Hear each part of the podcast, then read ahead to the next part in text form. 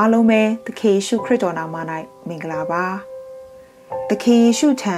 လူတွေကိုပို့ဆောင်ပါဆိုတဲ့နှုတ်ကပတ်တော်နဲ့ဆင်ခြင်ခွန်အားယူကြရအောင်ရှင်မာကုခရစ်ဝင်အခန်းကြီး2အပိုင်ငယ်3ထိုအခါလက်ချေသေးတော်သူတယောက်ကို လူလေးယောက်တို့သည်ထမ်း၍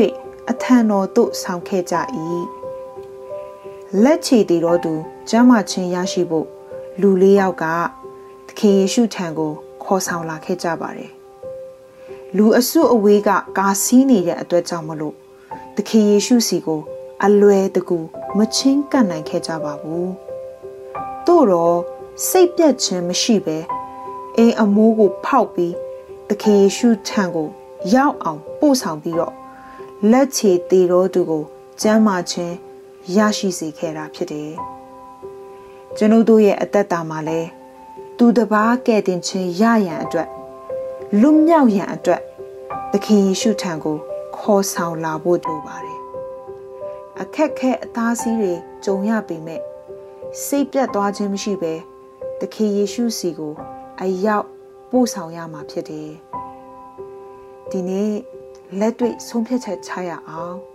သခင်ယေရှုထံတော်သို့လူများကိုခေါ်ဆောင်လာရအောင် ခက်ခဲတွေကိုမမှုပဲသခင်ယေရှုထံအရောက်ပို့ဆောင်ရအောင်ဆုတောင်းကြပါစို့ကယ်တင်ရှင်ယေရှုဖေဟာယုံကြည်သူများသည် လူများကို ကိုရောထံသို့ခေါ်ဆောင်လာတော်သူများဖြစ်စေပါကိုရောနဲ့မိတ်ဆက်ပေးတော်သူများဖြစ်စေပါခက်ခဲတားဆီးမှုကိုမမှုပဲကိုရောထံအရောက်ပို့ဆောင်တော်သူများဖြစ်စေပါ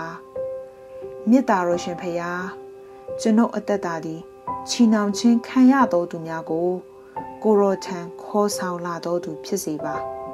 ကိုရောနဲ့မိတ်ဆက်ပေးတော်သူဖြစ်စေပါကိုယ်တိုင်တက်တည်ဖြစ်ပြီးခက်ခဲမှုကြုံတွေ့နေရပေမဲ့ကိုရောထံအရောက်ပို့ဆောင်တော်သူဖြစ်စေပါသခင်ယေရှုနာမ၌ဆုတောင်းပါ၏အာမင်